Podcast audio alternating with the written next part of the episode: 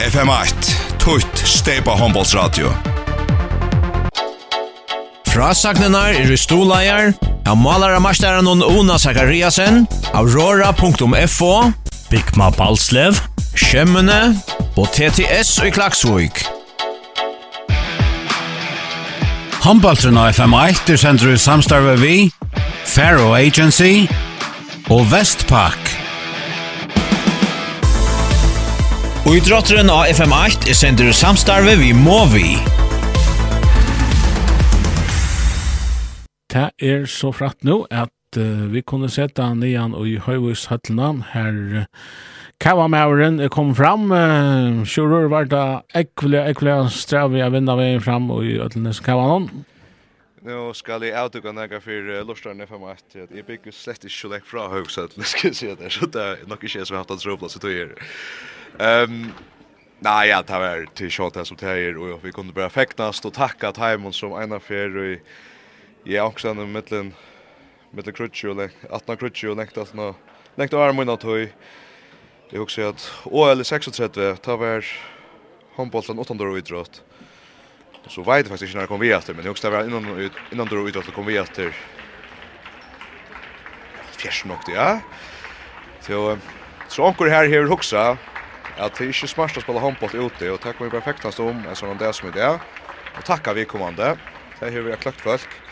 Så nu kommer vi få en sitta här, hatt och fjolt och äckla en helt otroliga ja, spännande skristjärna till. Men nu har vi det. Og jeg gjør han det rundt og veru. Holdfinale i faktisk kom til Steba Cup-ingene.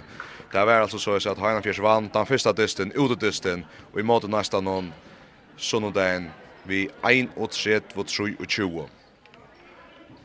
Og til er samanlagte måneder i ver tvær dyster, og tog er det ikke at Iva stod i at det må være til fast, og kanskje det aller, aller mest optimistiske blav, og som hukse at uh, nesten skulle overrekva et urslite, og i det er altså savner jeg urslite om finaleplasset, til at nesten skal altså vinna vi Nutsjumalon, där skårer flere enn 31 så är det åtta mål no mykje.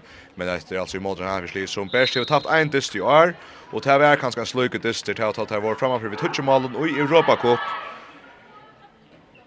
och tog kunde løyva seg å spela spela seg sindra lötten och ta seg lötten och tog tappade vi två mål mot Spån och Eagles så han hade spalt en jävla kvitt och nå må akkurat men ni också så hade jag slatt på för rest. Och tog er Det er en kjølsamma stor favorittleik Lodreisen og Heinkers hever her i kvöld og heimavøtle og en av mest månefølsene her i Høyvgeisen og ganske Hugsa om hvordan man standas til slinn og hvordan hvordan vil flikkveløgjen må være i morgen til Italy altså skal til Ukraina at spela at spela fjøringsfinaler i EHF European Cup.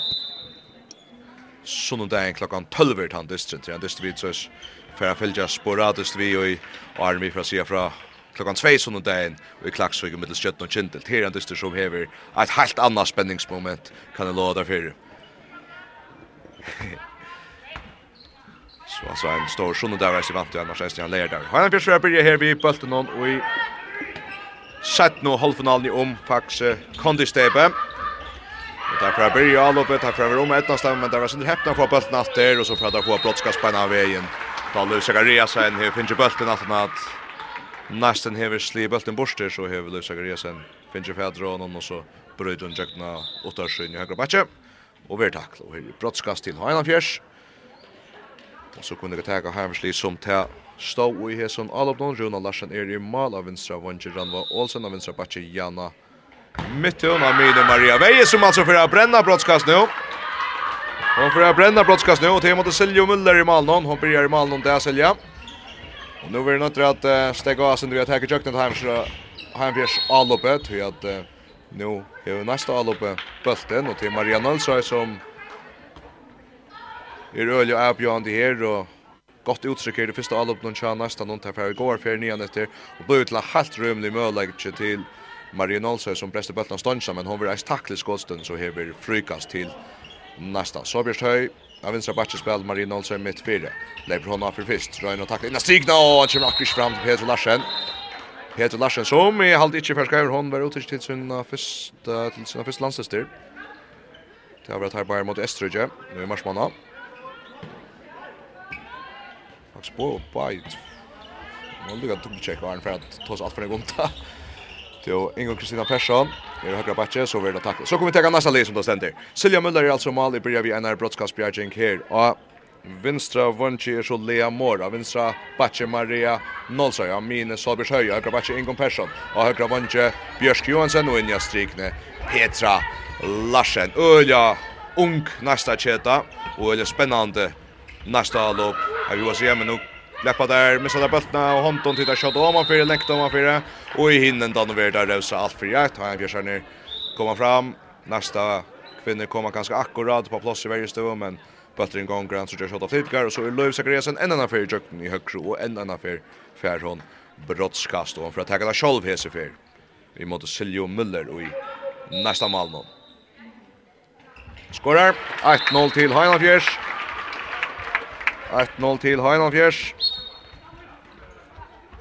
Leif Zachariasen efter brottskast.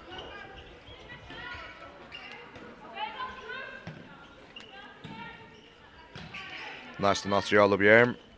Så att han fyrir vi nutjo mål och nu samma lagt. Men där spelar vi en öle omgålig och alltid öle spännande och Då spelar han otroliga väl han strikna, men så kommer han Risa Bjärnskvart runt och Larsen i Henriksmallen. Det är Maria Nolsa i Huxie som eh, hygger annan vägen så sätter den hans strikna. Peter Larsen är fröj med runt och Larsen vid Rymmar Bjärnskvart. Och i innan och så Rasilja vid en Rymmar Bjärnskvart. Och i nästa Malmö och Silja Müller Bjärgar mot Jan och Mitten som är runt och värsta med pura fria vinsabatje. Goar. Klaski hade sig go.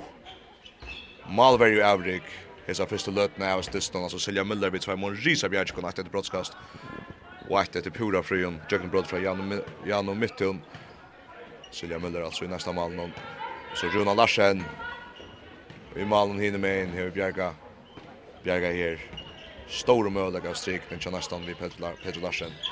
18 till Hajan Fjärsvida spalt i knappar fyra minuter. Han vill sköta vid Nutsche Malon sammanlagt. Maria Nolsson. Nilsson ropar skott här. Det är marskott. Bra lyckmål från Maria Nolsson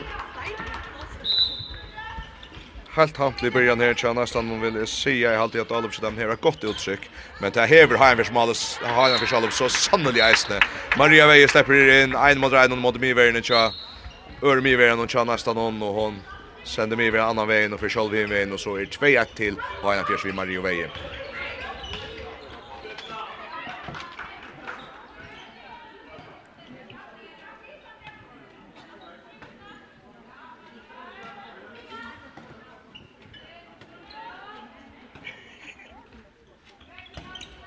näst näst ju alla back har sunt längt alla bär. Där Ingon lägger press fram mine för Mario till höger så för Björk krattar spuck står Runa Bjärgar. Björk Johansson och Petra Larsson fängar i torren och kursväckna. Här och hon hever crush i den tvåborna i Mivern och Heina Hainan fjärs för bulten Bulton otroliga flott fänka och nästan för bulten efter varvet Ralobe. Till nytt Ralobe runt över ska jag säga. Petra Larsen. Så kommer några goda sändningar från nästa andra. Gott press fram från vänster men så Verda och Vaje och Bulten och Sinde Leiser och Hanke Sjelran och så går Gröder sitt hem en Korea Park vid Jöknen och så tror jag till Lion Fjärs. Ja. Bröder är också harst här nästa kvinna i halvt här är i fair vi att komma goda stöver i all upp någon. Men eh, ta det röna halda bulten köjrande som tar ju helst i sin skull så ver bultsen all lite synder ja høver til ein av leikaren Heina Fjers verja nir Eirendales og sender Kurja Borg i Kjødalop. 3-1 til Heina Fjers vidar spalt i 5 minutter og 40 sekund nesten i Alubi Salbjørshøy. Bjar av i måte avsyn og vinstra bakke skal helst sige, ellers er jeg komstendig fyrir i Heina Fjers verja Renner mer hooks att det faktiskt fick tid ju här visst i jucken kanske skulle ta det annars för det var en större stäcke. Nu går att skott spel här men det är akkurat inte Björk Johansson att få bollen vissa in så kallar spel i alla min hiven, och det är Oilers med Lear jucken av vänstra vånchen med Rona Larsen. Hon är melda väl in i henne dysten åter Störbjörging. Jag vånchen det är fralukt nästa spel runt och vero efter att det tar kanske inte få gagnut möjligheten av första sinne som tar Atlas här så gånger spel öle kött helt av högra vången av vänstra vången ta kommer jökna med Ronald Larsen Bjergar Nästan var vart bulten korsne. Björk Johansson för att pressa här allt i den batchen så Maria Nolsøy här plus och för Atlan landa vägen. Väl spalt. Ja nästan natter men kom hon till 3-2 Maria Nolsøy vid synon Örmalen. Så färra Heimskär Hivin och Det är alltså det tror jag ska nästan det är ett Lee som är nog så tonat att ska spela i Robacop på vikskift och där gånger vi till Ruka för Maria Veje vi undrar skott 4-2 till Heinolfjärs. Och så för nästan i alla fall till Fjerna centra på Östmon. Maria Veje. Öla kött och vekna at det er ikke tid til hans lige jøkken til, at det er her bølten som ikke løyde, at jeg så øyla kjøtt, ja, at vi tar ikke ordet, som finnes ikke a skip på halv og bare kjøkken stundar til dem. Her leiper nesten av Ingon Persson, så blir høyre enda lengt ut i høyre, røyna bråd jøkken mitt fire, og hva er det da vi frukast? Bjørsk Johansen, um, la med vankren tja nästan om det röskat kom in i vötlan hjälpa hos vi var en färn EU-gång då så det om man var plås ut i hennar vange til Sobri Sjøy etter Sakric. Nesten var vei til bølten, færre og i Alla Bergkran har skifting gamla Real. Go sending ut Leo Mora vinstra vancho ett rymmarvångskott för henne Jesne. Ja ja. Leo Mor. Vi fralegon skott i atra en öjlig aldring fram Mario Nolsøy. Kjemmer um, hikker annan vägen av mine, och så centrum att han vid om av vinstra gång och det mår hur inte att plats i vägen och ska Janne Cleo troll det gör väl här är ner alltså det platsen nice och missar där bollen här Pierre Stjärner nästa variant stjäler bollen Fyra tror till har han fjärde vi spalt i 8 minuter Nästan och Jalopen Spelar så vi, så hampeliga Ungarna så Selea, Björsk och Maria Selja ikke vært skjære seg fra, seg fra at det her spalte 2016 for en adjan finalen i fjør. Marianne Olsen særlig et opplevelse i adjan finalen da. 2016 finalen, jeg skal si.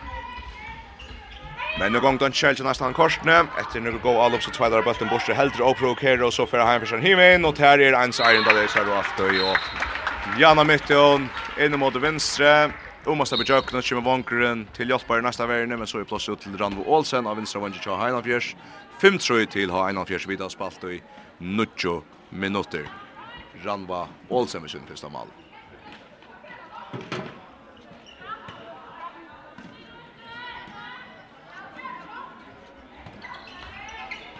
Så där går fyra här nästan. Så blir höj om man får sina plås läckt ut av högra vanket. och om man ser på i jökna vid Björk. Björk och så har det haft öliga skott skjuter grejen efter och så vill det öliga wide shot där mot här mest som eh, Tvåta bulten i blinden och strikna och bant och i fönstret han fjärsan men här häver dömt av frukast Aron för några tacklingar så var i allmänhet. Maria Nonsson är bra. Renne mitt fyrir og ta sidor og trulja vel. 5-4 til Heina Fjers. Neste minkar mot natt vid Maria Nonsson. Fighter redan tria mål det. Hoks ikkje fyrir Skyver. Också inte det fyrir Skyver. Maria Nolsøy som altså fikk der Risa, Jøktenbrodi, og i Sjolvon FM enda spelen og i fjør. Ta i hånd, ja, jeg håper seg mest av sånne antenk og koppa i favorittene og kjennelig og i halvfinalen og Og så så det der utlåg, det ser 16 leikaren og fær. Det skulle komma fra at det var tjobleggar mot SJF. Här är så att om största dento i HM en försöp Jana Mytte og och nå och pura en som man mest som har vinstra batje. drev oss inte i höger så ser hon också plats ut i högra backe och flyr i jökten pura frukt skott 6-4 Öle jökten blott från Janne mitten Första mål till Janne i dag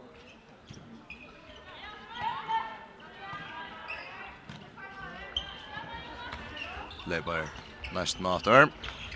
Bjørsk Johansson hon kör den ekkertir, hon kjemmer av høkra vantje og legger press, og så fyrir hun om. Onker robotan, Estetuskar og linje Lini var kurs navn han fyrda Lemko halter på det kallar första landsen till sådana som är vänjare. Han kommer runt och pressar in från Mini Ausen och Vanchel och sås. Nu spelar kött om Björk för en jökna Vanchel som är Runa Larsen. Hon ständer öliga stundas mångskott någon. Runa Larsen vid ändan där Björking 6-4 till Heinan Fjärs. Jag tror jag fick en bå här. Ett för en halvtid bara afra man ser att det kunna ta en för sig. Och vi kött ju alla på så. Och så ett nästa öliga väl tja.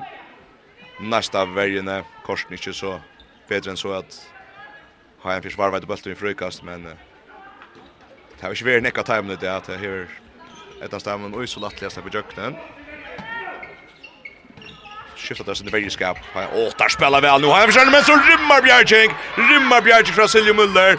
Ojli Alvringen har striknat till. Var Zakariasen sig här. Skjuter härskottast det hautat träffar så bänt i benen. Det ska helt säga Silja träffar bulten vid benen. Ojli Bjerging, Silja Müller i nästa man Och bulten stöcker harst ut mot söylen här Ronald Olsen om man får fältron men kommer så mycket harst och färs fältron och så missar honom ut till inkast. Happy för nästan kanske att hon rundar till bulten men det ska nästan. Og så minkar nesten om månen alltid til ett mål. Til Ingun Persson. Minkar ner til 6-5. Bryter Jöknen. Ja, vel og videre tar sinne vinstra batch. Enda faktisk nye vinstra vantje. Og i hinne enda noen Lucia Garia. Sæmi sunn er sinne brøt i högra batje. Og minst han om vi sjetta gav brottskast enn enn affær. Om det vil si för det. Lucia Garia sen. Jeg sen lekkar som tidsis tonar til. I Robbo Håndbolt om vikskiftet. Og faktisk kom til stepa finalo. Ta tällig och fyra. Här vill Lucia Gresen. Åh, stångs nu ut. Jag gillar John runt över Europa att den stöcker upp i loftan efter ut av så linjen nästa när inkast. Ja. Malverjan har finns ju en stor anlag ut här. Selja Müller har denna att Bjarchenko som där sin högra nästan nästan Europa. gott Siljo så framis. Där skulle jag effekta, man ska fakta Malman de ta vi lägger en räga stänknar så framvis. Det till Malverjan som krossar där till där.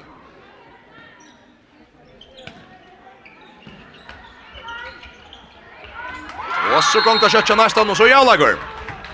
Så blir Sobjørsøy vi jøkken brødde mitt fire. Så blir Sobjørsøy brødde jøkken mitt fire.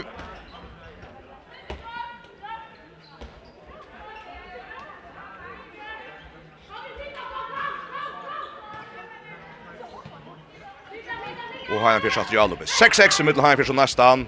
Faktisk satt i Ahavert byrjan her. Nå gott mala av høyre vondre fra Goria Borg. Spukste jøknen skjuter ner och fram vid Malvera någon 26 till Hajan Pierre Skoria Borg vi såg någon Örmal i där. Goria Borg vi såg Örmal i där. Lea Marskar eller Fredrik Mal för nästan Janne, nu kommer Frida Holm Jakobsen han löter in av Vinstra Vankas, det är en negation. Vi har lagt neckmatch till av Vinstra Vankas, nästan och gör. Nu är bulten om å läser. leiser, Heimer Sverige, han færre hattelen, og Maria Lonsen færre gatt, etter minus, vinner i högra ånd, just det brakkes i jøkken, frukast. Oj, Alde Maria Lonsson Lonsen, jag vet inte om det är så att kanske att här känner att det här kör några missar det alltså för åtta mål men och så hon också fick ju fria timmar till att hon släpper spelningar och öliga vår för så Alvingar och till otroliga flottet om ett satter men där får bara frukast i stöden nästan det vill så börjar jag pressa in mitt fyra så blir en likar allt jag skjuter men jag vill att nog kan vara att vara frukast och gott kost frukast nästa annorlunda och nytt nästa lopp 6-6 han fyrs vi har spalt i knappt kors till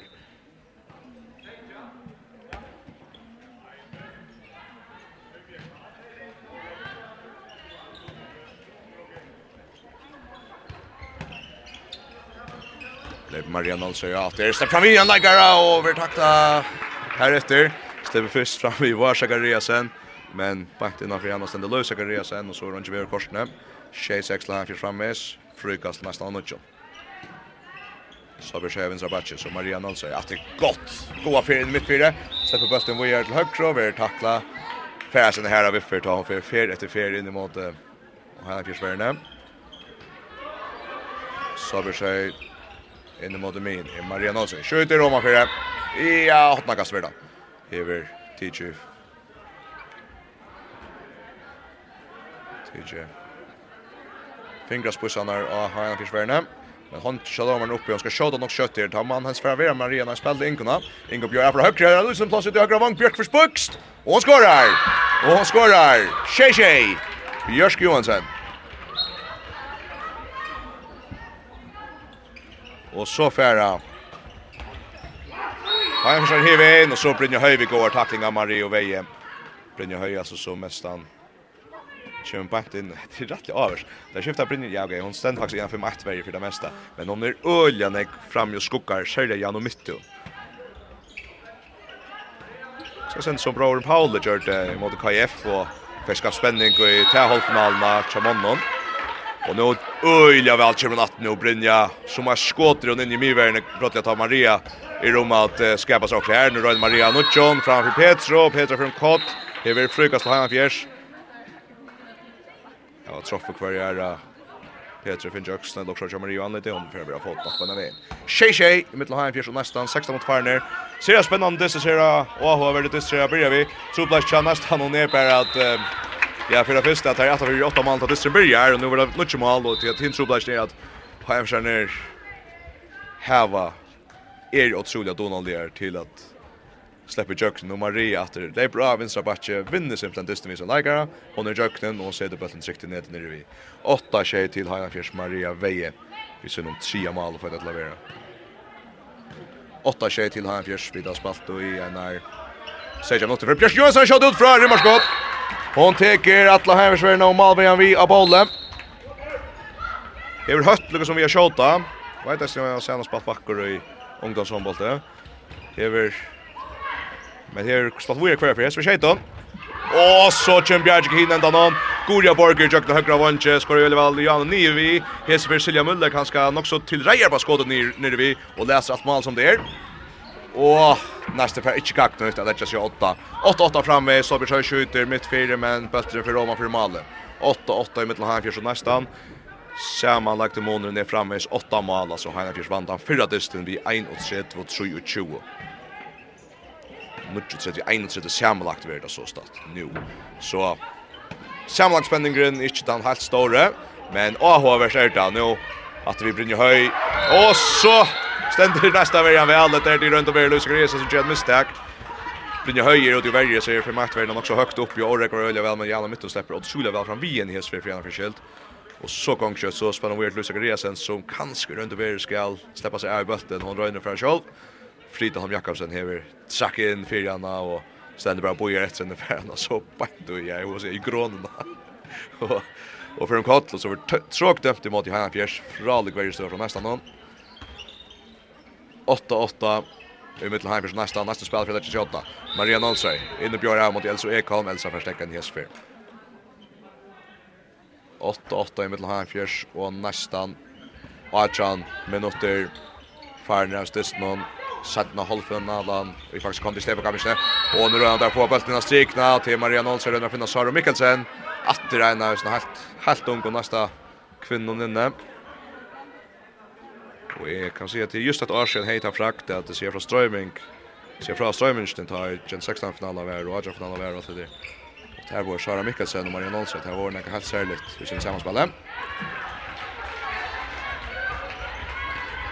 Og nu får jeg komme et skott mitt fire, men Runa Larsen Bjergar Runa Larsen Bjergar 8-8 i mitt av för nesten nöjda minut för nu så er det här skal legge seg sig så det er plass til en stigen takk det ikke for fest Maria Røyna Krasse i Krasnijöknen verda frikast Värja Stensten Brynja Høy og Solbjørs Høy. Vi fela, få stekka Maria og vi har så ætløvne, frukast lagen for sattur. Tidsi høsta synder, ikke frustrerer synder, har jeg for skjerner, og sitter rett og krinslig fylgje vis, og Jeg vet ikke så Brynja venner vergerne för maktaren, och så spelar det här så Korsen, så spelar det inte til å lykke alt. Og Krinan er etter og frem, urvel løsne og Heinan Maria Veje sätter det første presset mitt för oss. På Rottlia kommer rykken i strik ned til Storfjærstrø og til läkaren som hever bulten men bulten sitter bara rimmar fast i fönnen så när strikläggaren var Zachariasen som så vänt sig och skorar till 28. Och så första sen i det så jag vet Nadjo Pevic kom in. Av vinstra backe. Det var var Zachariasen som skorar igen. Vi har mött Nujota. Nadja Pevic bjør av og løser gresen for en lengt ut av verja og hon og i takten sin treffer hon Nadja og i andet utvisning till Fjørsjær.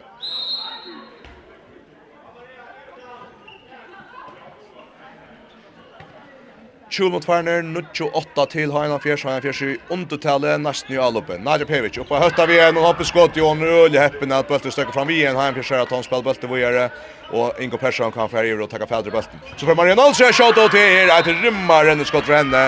Inne bjørna mitt fire, Verjan, Iva Sundar skal fære ut eller inn, og Så lankar han bulten ner i målhåttene. Högre med sig. Nutsch Nutsch, Jan Lagrater.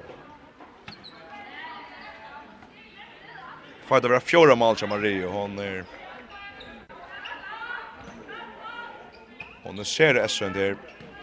Där först då 21 minuter när. Ja, det är snart Nutsch Nutsch mittel här för nästan. Maria Veje. Det är tacklar, Björk Johansson vid tackling.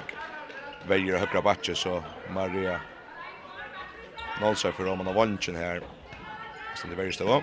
Brynja Høy, lengt fram i sin veie, så da Maria Veie, Bjøra Sindra, og er Jan og Mytten, så kjøtt ut, Merna Morsen kommer inn, nå, bakt som overtaler Iskariesen rundt, så vil han lokka og gjennom tråkfettlo, og tråka seg bant inn i veien, nå, så fer nesten bøtten atter kan letja seg åtta. Nesten i vitalje i 45 sekund, og Maria Nolsa är skipat til i vitalje. Merta Morsen altså kom den her, i skoom, fikk altså sutt comeback i her fjers om vikskiftet. For Nadja Pevic och Tjota Rona Larsen går upp give this skåter väl. Tätta sig nästan komma fram här helt dörr. Go scores to go scores to Chanatjo och men det är öliga samförande av från Heinrich Malvian och Rune Larsen som alltså Hivlis skåter till Fullnar. Bjarkar vi ja just det där med som att han kroppen för jag så skott ska komma. Träffar knäet och så stöcker nog snäckt ut. Janna Mytton, Märta Morsen och Maria Veje är ju backshot ner som Märta Öle går för på skjuta. Och Silja Bjärkar ensam från Juruna Jordan på Tower. Silja Müller.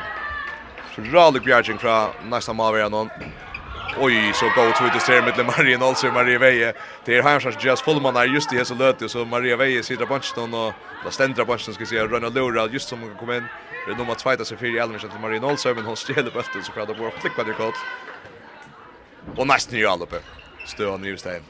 Nutje nutje i mittelen her fjers, og nesten, nesten spiller det kjøtt her, hvor er det da Vincent Vong, stepper den kjøkken akkurat ikke, men der var vett av bølten. Maria Nolse fra Nastra Mini, Røyne Halta presser kvarande, og så vil også hente okkurst. Gorja Borg skunda seg av vøtlen, og vi anlitt noen, eller så. Her var en sort, tar spalt i det kjøtt, og man har Vincent Vong, nesten kvinner, og her var, jeg synes det råk, her er flere tvats etter en bølte som var möjligt att få att köpa en Leon och jag också går över sli kanske hade samma jag kan också hört hon. Se bara men ska skona så stäv och jag vet och med det så helt kött stöna så kan jag kunna kötta att det var en lins eller så så åt nu men jag vet inte om man brukar så det. men också hört hon liksom tek sig till ägaren och och säger ska gå ut och fiska på den tja, han fiskar fair rennande vi en ut i skiftrum så heter han och kött också. Så är helt galet men så också utsmarsum man visste kan man skulle göra på en av väg ni vet inte vad det var Brynhild Nolt, nei, orskan, Brynhild um, Pallstøtter, Gersen Reier, så kom inn for henne om lukta løtta, ta ui heimfers fyrir Alubatter. Næsta kvinner standa nå vi Frida Holm Jakobsen av Vinstra Vange, Klara Byrja Alubem, så Vinstra Vange er Frida Holm Jakobsen, av Vinstra Batje Nadja Pejevic, Amine Maria Nølsøy, og Høgra Batje Ingon Persson og Høgra Vange Bjørsk Johansen, inni Strikne Sara Mikkelsen, i malen Silja Müller, nei på Amal Johanna Fjersvein, nu. Spel för igång dator nutch nutch med till han fjärde nästa om vi har spalt ut 22 minuter och 40 sekund.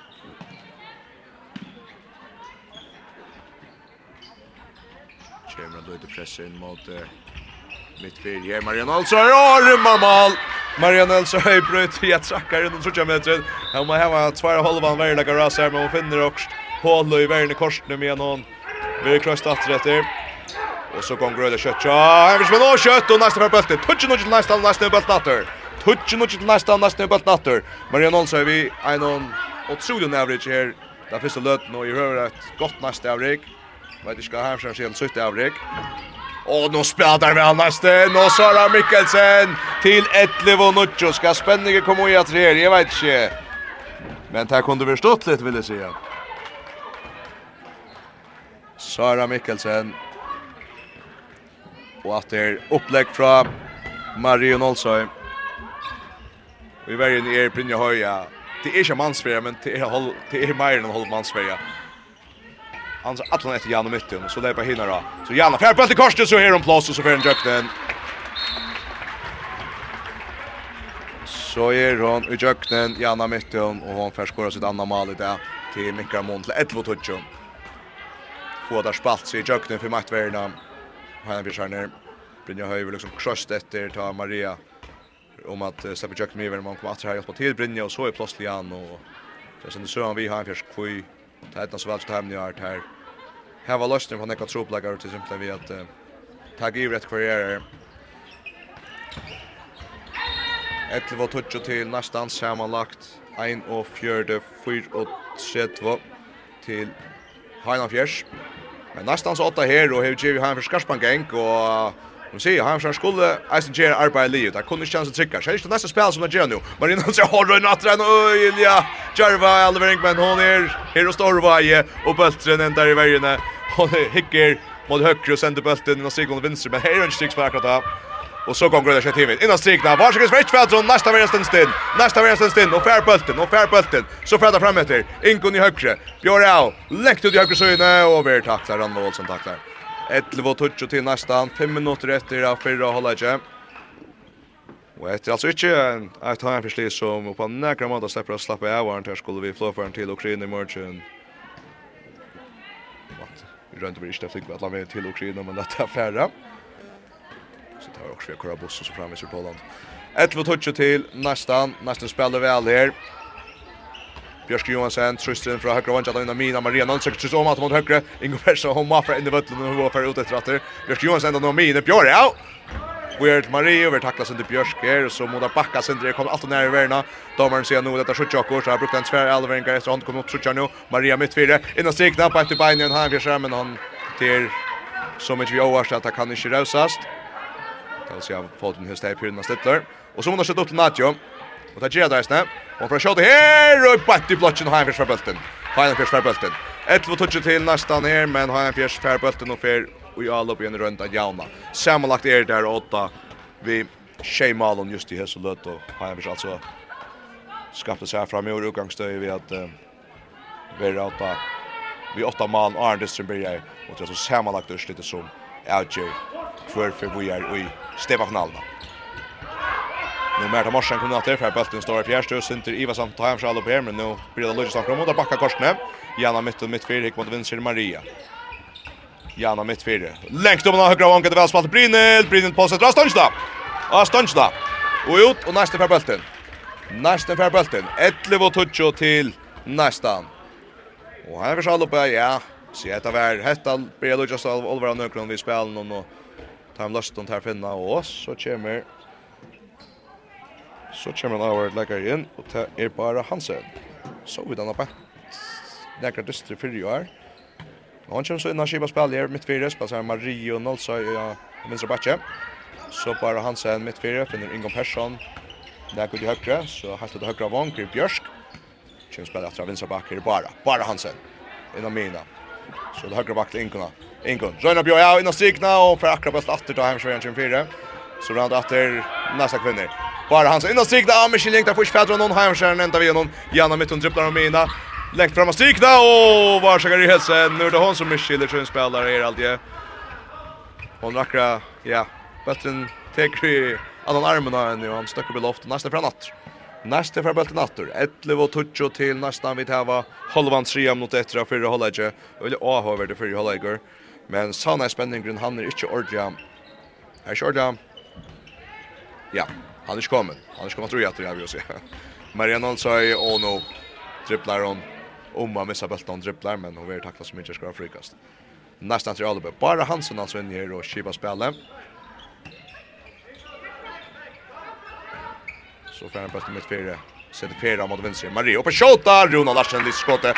Loftar bulten. Kjollos spelar sig fram efter. Öle länge bulten. Vars Brillen kan nå han. Där ger han akkurat men släpper inte jökten. Ända vi har fänga bulten helt ner i hoppen men som alltså väntar sig på ett fältje och så tar inte Åsen time out. 11 och 12 till nästan. Han står nu stägen och löter ska alltså se hästen. Och vi tar aldrig kvar stolar där så här faktiskt konti halvfinalen som alltså är finns en en avisa nerve och fina spänning över att i matchen efter ut av Horst för Jotbrocken. Vi ser fra Eisnes lukka vetrar det. Kjørs vel Frasagnenar er i stoleier, av malare masteren og Ona Zakariasen, Aurora.fo, Bikma Balslev, Kjemmene og TTS i Klaksvik. Håndbaltren av FM1 er sender ut samstarve vi, Faro Agency og Vestpak. Og i drotteren av FM8 er sender samstarve vi må vi. Så er vi datter her i Høyvågsøtlene til 17 og halvfinalene i Faxe Kondi, Stebakappingen i middelen. Ha 41 og nesten her i ja, til kvinnekappingen, om tid til kjøpingen, Tavi vi helder. I Ravers nästan alltså 1-2 faktiskt spalt rättliga väl och han kör tidigt snacka frustrerad här så tidigt time out nu um, håller andra minuter restaurerar förra hålla inte är alltså inte relevant än har han förstås framför vi schema all men det kunde kanske också också så sparka sig inte nu att just drejer att färra till Lviv och i Ukraina och spela Europa Cup. Där vi alltså i morgon där för landet till söndag där spelas om den klockan 12 första tøy just att här spelar är ganska mest som man vet tack så gärna att se från Skötten och Chinle så vi hin hållt någon nu jag finner nu fast kontra kapitän eller spännande Du har sen hatt ju så gott hur sitter spel upp nu ett timeout och kanske rättliga gott hur där Rönna pressa ut mot högre pinnen som inte jökten så gärna några plats mitt för det blir öl kaos här och så tråkar hon och så tråkar hon här att hända Silja Munder Eisen när Bjärgik tar gärna något skott ja Alltså en nästa vecka som orkar ordentliga affären Östkimla hemfyrs all upp igen. Och där tittas tydligvis frustrerar. Så där tydliga är skimmer. Marian hon pressar in och stiger Sara Ferran och tror gott mål från nästan någon. Pöltutjo, Sara Mikkelsen. Och troligt sammanspel mellan Sara och Marie och tror nästan någon där på Och kommer att ha min första över. Är alla spel på Bayern. Ja, är Sallars spel Bayern 16 i fjärde steppa kanske. Ja, ja, det George. Till Gent Roger från alla värme mellan Epi och Hainan Fjärs. Så Hvis man vet hur gamla det er, så är det øyelig unger. Og då var det just sårene, så var det, då var det just så nu. Inspel som eisne hodtog alla høttene. Ta, för just en år sedan. Nu efter eldre nå gjør där vi halvfinalene i beste kundalene.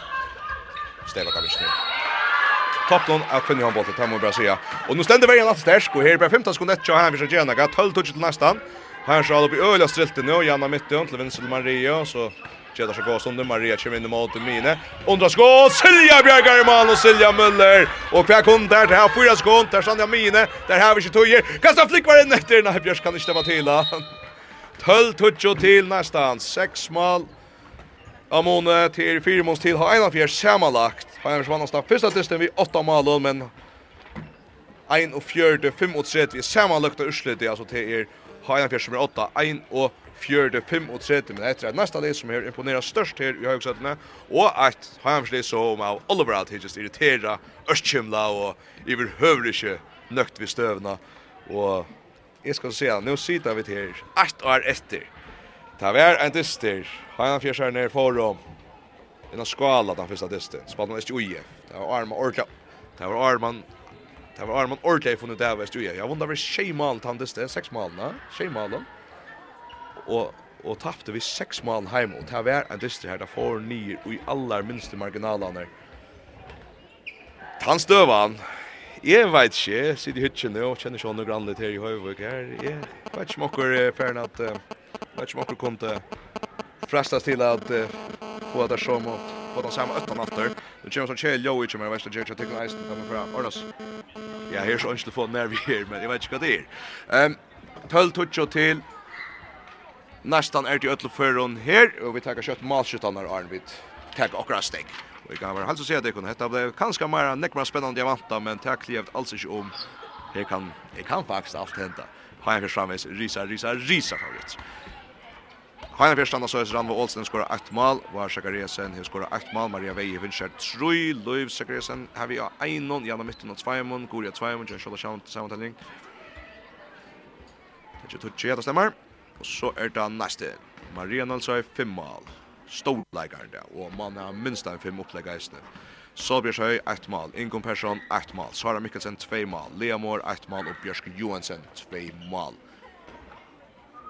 Det stemmer. Det er ikke mer enn så at jeg har tatt noe som er. Men 12 touchet til nesten her. Heina Fjørs framvis åtta, samanlagt vi seks mål. Ein og 4 5 och 3 det verda till allt ju så rockna kött kött och känna det. Och vi tar en stäck här och ja men det kul att komma till. Det kan bli helt spännande. Låt mig bara se det så. Tack för först. 12 touche til Nastan, samanlagt 41-35 til H1.5. Vi gleder oss til 17. Hålleik, Kjersvoel, shooter. Jo, takk for det her, og det er alltid eisen at det er noe man kan glede seg til. Det er en øyelig hotak han i Hålleikur, som sagt, altså 12 touche til Hålleikur nästan efter det hända förra hållet en ju Framis att för vi sex mål sammanlagt. Sex mål sammanlagt. Alltså till här försvann. Den första det vi åtta mål men det här bort till alltså det gång den har vi haft på inte nästan någon. Han Rickard Berg ska sälja Müller och så Maria Nolsa i större form och så att säga att det är unko inne till nästan när hur ser när Björk Johansson just den här timon spelar vi här till Mario Atter och så mot att lyckas slacka pressen det blir sen då Bara Hansen er inne i etter fyrir nästa nästa. Spelar sig i Inkon i näget i högre Inkon för att öra crossskott av stämmen. Hon vill stakta i frikast till nästa. Nästan börjar sätta hålla så Sylvia Müller framme som mål nu stäjer det av vänstra Vonje Frida Holm Jakobsen av vänstra backen Maria Nolsøy och minus så är det bara Hansen bara Hansen och högra backen Ingon Persson och högra Vonje Björk Johansen och inne strikne Sara Mikkelsen. Lars Hanna Fischli som har spalt så i stora nöten spaltar öliga väl i sin shot och alla på nas och ta komma och i är det att löv eller så är det ta nästa vän om att fota så här så får det åt Solja donan det att hålla truste fram efter och runt över det första kvarteret 20 minuter så fick vi schakt han Fischli till att det är Jackson mycket kött och det hade bulten så stort att här det är inte mål något höna men Så fikk verjan og Silja Müller i mannen av Oliver ha en Haina Fjerslinon til Brynja Høy en av maktverjer som jeg vil ha lyst til her. Så utover det kom inn at det er 17 halvleik i snitt, at det kommer verst over. Her vil Alup i alle hentet 17 halvleik i, han er just en minutt gammal. Og Haina Fjerslinon er Røyne etter bøtta. Der færre seg vinner nå, så kommer Røyne till vinn. Janna Mitten dribblar fram, etter kommande vinner, Rann Målsen vinner, og nu Jøkken, och skårer, så er Kalvet på. Hajan Fjers sminkar månen til 12-11. Ranva Olsen i kjødalåpet. Lyte mistek fra nesten noen bøltren. Gleppet dem av hånden, og så er det her Eirin og leser här ned. Og så rå öppnar nå til å spille at det vel. Jeg stod spilt inn til Sara Mikkelsen, men han treffer i bein, ja, enn just der noen kan vänta sig att skjuta och så kan han fram en jauna brottliga. Bøltren kvar helst vel til Heim akkurat nå. Så er det Kiban Alve, Brynja som har skått ut, jo anser etter Jan og Mytton. Alltså inte en mansvärja, men en förmattverja här om Sölja skukkar Jan och Mytton. Vill gärna ha henne borster från värjene. 12-11 till nästan.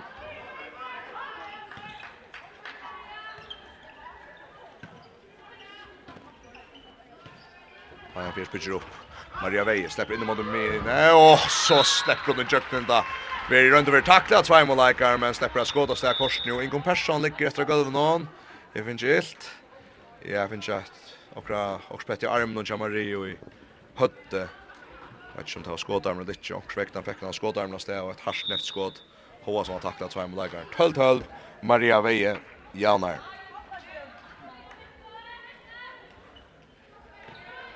Vi så nå fjøra malet, det er Maria Narboar, Maria til nesten vi fem, og Maria til Heinafjers, vi fyra som er der står skyttene her i dag.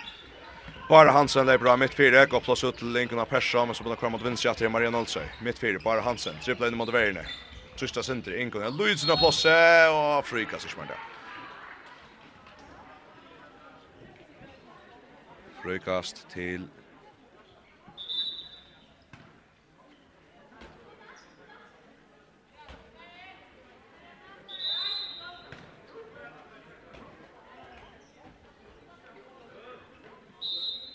Frikast til Nastan. Vi är inte här. Bara hans lämnar backe. Kommer att gå av tidigare. Ingo Persson. Bryter mot högre. Og mot Bjørsk Jonas har haft av vanchen som spiller kjøtt inn etter. Maria Olsson på kjøtta, og da därför malet. Runa Larsen i fjern rett av veien. Og opp fjärde rätta vägen upp jag tills bulten och sväckta ikke Fädron honom. 13-12 til nästan Maria Nolsson över sin och satta mål i det. Hivin Maria Veie, kjøtt ut av vinstra vång och Silja Björkar. Silja Bjerkar, jeg sindra kaoset, det er litt folk i felt, noen i vet skal for henta. Og jeg ser samført om at det her skal være okkurs. Da vil det ikke Silja Møller Bjerkar av vinstra vunnet 13-12 til nesten. Maria Nolsøy, hun er bra, og så blir hun takla sent. Janna mitten av Vøtle i tvær minutter. Frykast nesten.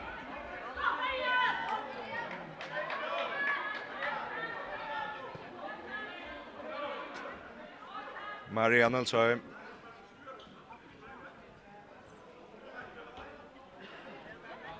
vinner sin tvåtust vid Jan och Midtøen.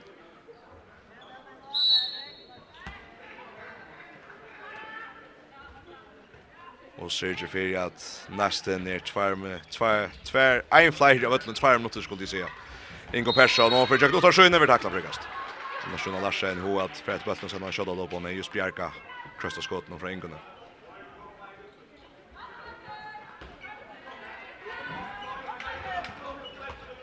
Nästan det Nassan Lebrater. Kvar pressur mot högre. Ingo Ingolstadt från vi! Och stånd snut, stånd snut, stånd snut. Halder runa för Petja Bulten nästan. Men ettans inte nästan att det är just två mål 8. Skapar Verlian. Ja, Verlian. Spänning vad vi har haft. Men uh, en avvis spänning kanske alltså åtta vi Sheyman och sammanlagt att han får vi 1 här 13 12 till nästan här i högsättena. Har han försvann där första testen vi åtta målen. Han har spel att det nu. Genom mitten åt den så är det brinner höj. Hon är ute och kanske mest han ansar Mario. Mario sen just jag min och kipa jag så helt att jag min linjen. Släpper där inte fram efter. Lucy Garcia sen. Gör det av. Släpper fram igen. Lika och så kommer nästa väg lika och hjälper till. Frukas Lafjärs väl att när stöva. Sara Mikkelsen i takten. Han är försökt i loppen. 5 minutter var han och satt med hålla 13-12 till nästan här. Else Ekholm pressar in och Eker mot Marie. Hon är förut av bunchen men så spelar hon er löv och så vill hon tackla. Så vill hon tackla. Frökas till Heinafjärs. Heims uh, alloppe tidigast med att Iva stödet här. Men nu rör han Maria Veje in mot av vänstra backen Vi tacklat tacklad. Och hiss för Sara Mikkelsen åter och det som är själv betyder att just tacklas henne Johan hon var hinner med in av ötlen nu. Alltså av vänster med vänster med nu är han för nu högre att stäcka här själv nu. Maria Veje rör åter. Else Ekholm och på skott blockar fyra. Sara Mikkelsen i en blotch att ja. Mitt fyra tackling vänster tackling höger och så blockar mitt fyra Hodna kast till här fjärs handen uppe och nu uppe så öja lunch allt ja. Och till Luisa Gresa nu Röna släppa sig jökten frukast frukast till Hanna fjärs han från är fullman där nu så tar sättningar kanske Jörter Leot. Maria Veje och Brestebulta tvärssäge Och hon bräster skott i stä och han bräster ut första i bultren. Så får jag nästa kvinnor i himmen. Maria Nölsöj dribblar in mot vänster. Sen man min här ingen till fjärde bulten. Vi är bara Hansen. Bara släpper fram i sin läkare. Så tackar det för nu. Så bara det pressar åter. Och så släpper fram in. Nej så blir han tackla korsne. Just rättstundes. 13-12 fram i nästan. Frykast nästan.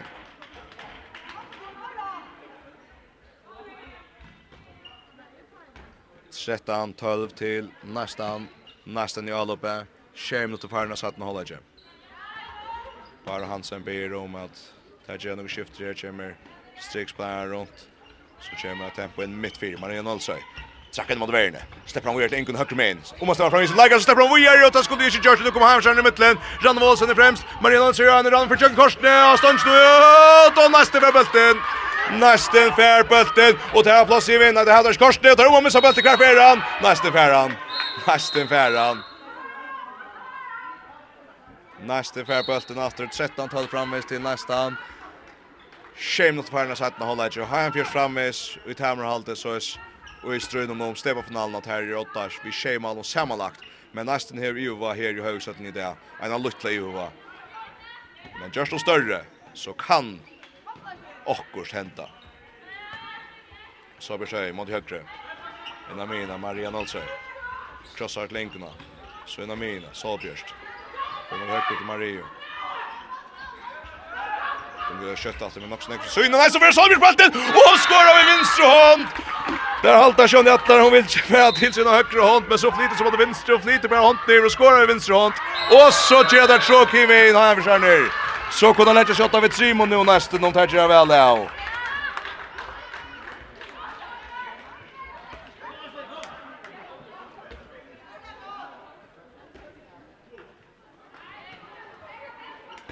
Nasten kan lägga sig åtta vid tre på målen här i Höjvig där.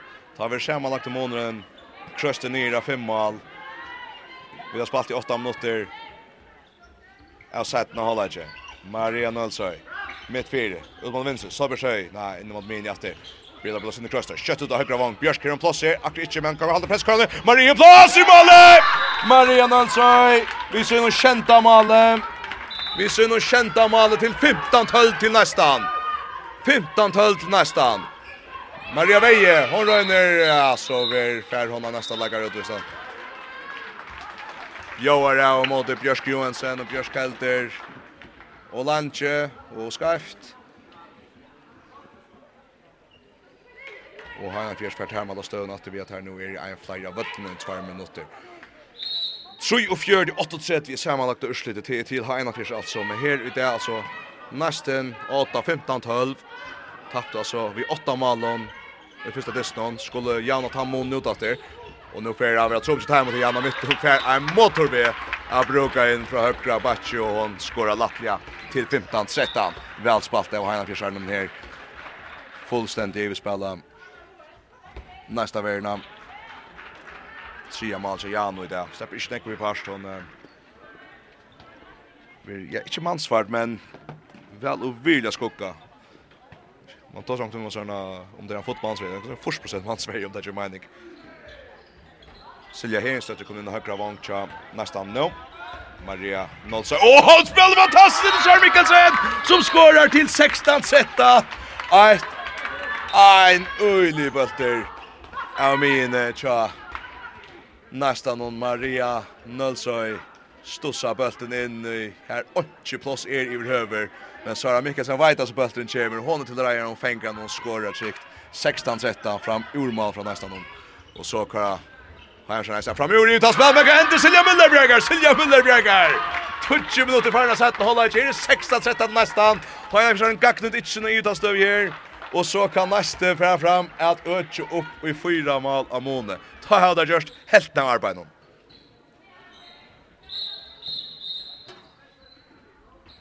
Så vi har nu ett stäcker här. Domaren ut och säger. Det är domaren, han ser ju på Inge Olsen som vänjer så där mars marscher som hjälper vänjer. Det är då eller väl till några vi Det är bäst en som har lov att stanta av boxen. Och där blev vi på här Santos. Där vill liksom där vi bättre måste assessas. 16-13 till nästa, nästa ny alloppe. Maria Nolsson, fantastiskt av Vincent Wong Frida!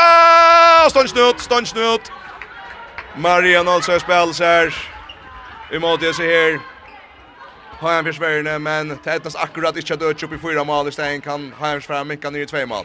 Innan strikt ett rejsnall spalt och så är Jakobsen och stånd ut och så i bättre mål vem han Fritchen han för fram i mål här efter.